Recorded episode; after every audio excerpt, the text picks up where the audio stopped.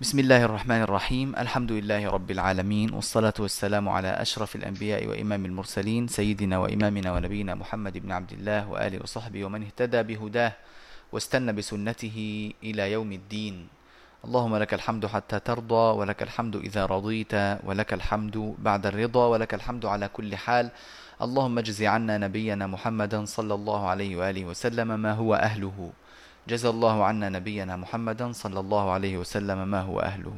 جزى الله عنا نبينا محمدا صلى الله عليه وسلم ما هو أهله. اللهم اجز عنا كل من علمنا ومن علمناه كل خير. اللهم اغفر لنا ولمن علمنا ولمن علمناه. اللهم اغفر لنا ولمن أقرأنا ولمن أقرأناه.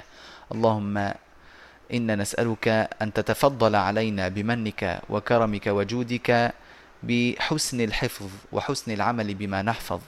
وحسن التلقي وحسن الأداء. اللهم آمين. ووقفنا عند قول الناظم رحمه الله تعالى وللدال كلم ترب سهل ذكى شذا ضفا ثم زهد صدقه ظاهر جلا.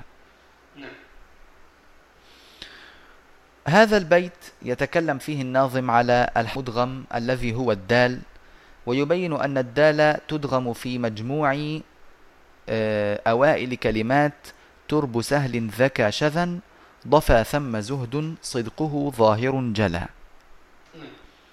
وهذا البيت فيه ثناء عاطر وذكر حسن للإمام الصالح ولي الله أبي محمد سهل بن عبد الله التستوري أحد الصالحين والأولياء المشاهير ويعني وفاته كانت سنة 283 هجري رحمه الله تعالى ويذكر له كرامات كثيرة وهو من أهل التصوف آه، الذي كان في الصدر الأول وأحد يعني المشهود لهم بالبركة والخير.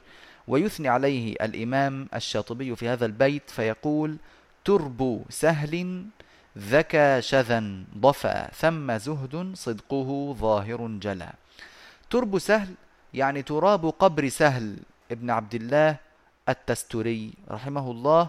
تراب قبره ذاك فيه آه، يعني ذكى شذا يعني آه، اشتعل آه، فيه الريح الطيب.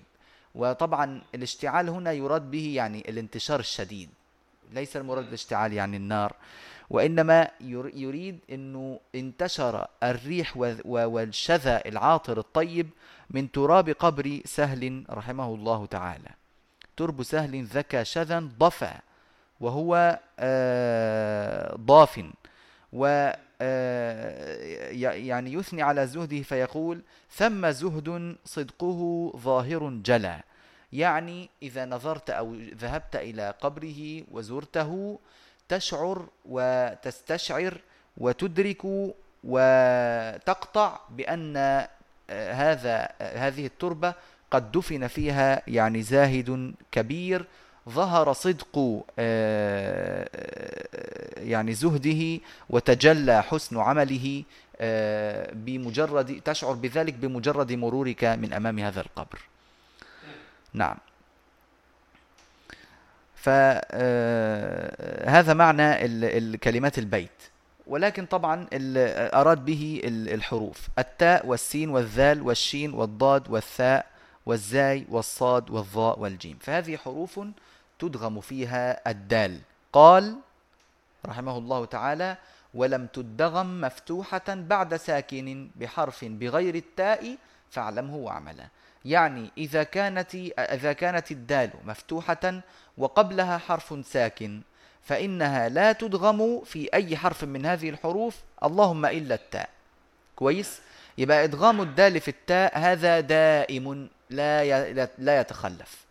وتدغم الدال في بقية الحروف اللي هي سهل ذكى شذا ضفى ثم زهد صدقه ظاهر جلا تدغم الدال في هذه الحروف إذا لم تكن مفتوحة وقبلها ساكن. أما إذا كانت مفتوحة وقبلها ساكن فيمتنع الإدغام. نأتي بأمثلة على هذه الحروف. مثل بعد ذلك مثلا شيخ؟ نعم بعد ذلك. هذا مما يمتنع. لكن إحنا هناخد أولا من أمثلة للدال مع هذه الحروف. تربو التاء آه، من ترب. الدال مع التاء مثل قوله تعالى وأنتم عاكفون في المساجد تلك حدود الله. سهل مع السين قوله تعالى عدا السنين. آه الذال والقلائذ ذلك لتعلموا. الشين وشهد شاهد من بني إسرائيل. من بعد ضراء بالنسبة للضاد بعد ضراء. طبعا ال- الدال هنا مكسورة بعد ساكن فلذلك لم يمتنع الإدغام.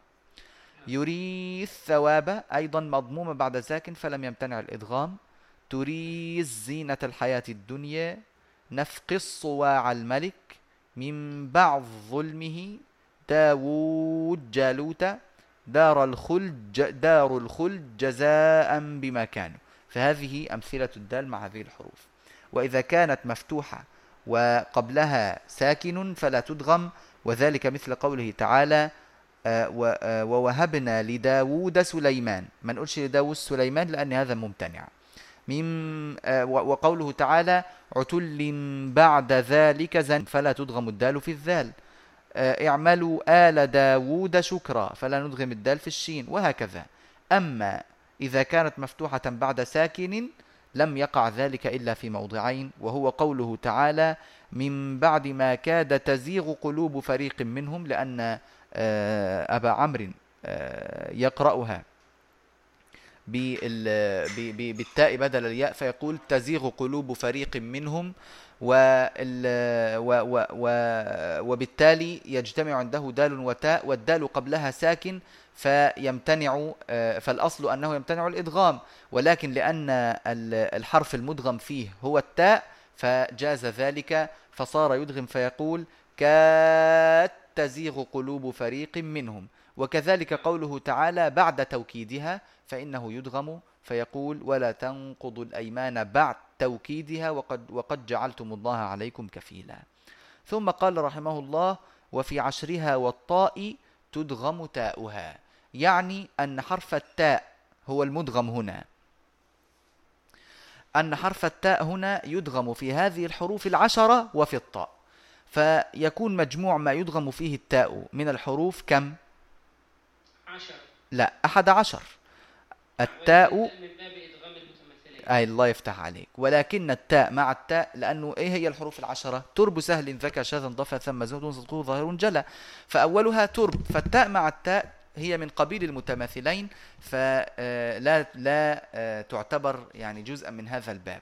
وبالتالي فإن التاء تدغم في الحقيقة في عشرة من الحروف في في أحد عشر من الحروف ولكن تدغم من في في المقارب والمجانس لها عشرة أحرف فقط. قال وفي عشرها والطاء تدغم تاؤها. سنأتي بالأمثلة تباعا ولا نحتاج أن نقول في حرف كذا في حرف كذا خلاص اتضح ذلك من البيت. قال آه، قوله تعالى أن غير ذات الشوكة تكون لكم فهذا من المتماثلين. وعملوا الصالحات سندخلهم جنات. بالساعة السعيرة والذاريات ذروة بأربع الشهداء والعاديات ضبحا. الصالحات ثم وأيضا النبوة ثم وأيضا فالزاجرات زجرا. وقوله تعالى إلى الجنة الزمر يعني إذا كانت التاء مبسوطة أو مربوطة لا إشكال في ذلك. فالمغيرات الصبح والملائكة و- وقوله تعالى إن الذين توفاهم الملائكة الظالمي أنفسهم وقوله مئة جلدة والصالحات جناح والملائكة الطيبين. فهنا تدغم التاء في هذه الحروف ولا يمتنع فيها شيء إلا الموانع التي ذكرها طبعا في أول الباب آه، قبل أن يذكر القاف مع الكاف. حين قال رحمه الله آه، إذا لم ينون أو يكن تا مخاطب وما ليس مجزوما ولا متثقلا. واضح إن شاء الله؟ شيخ. ثم بعد ذلك قال وفي أحرف وجهان عنه تهللا وهذه ال- الأحرف نذكرها في آه، الدرس التالي بحول الله تعالى وصلى الله على سيدنا محمد وآله وصحبه وسلم.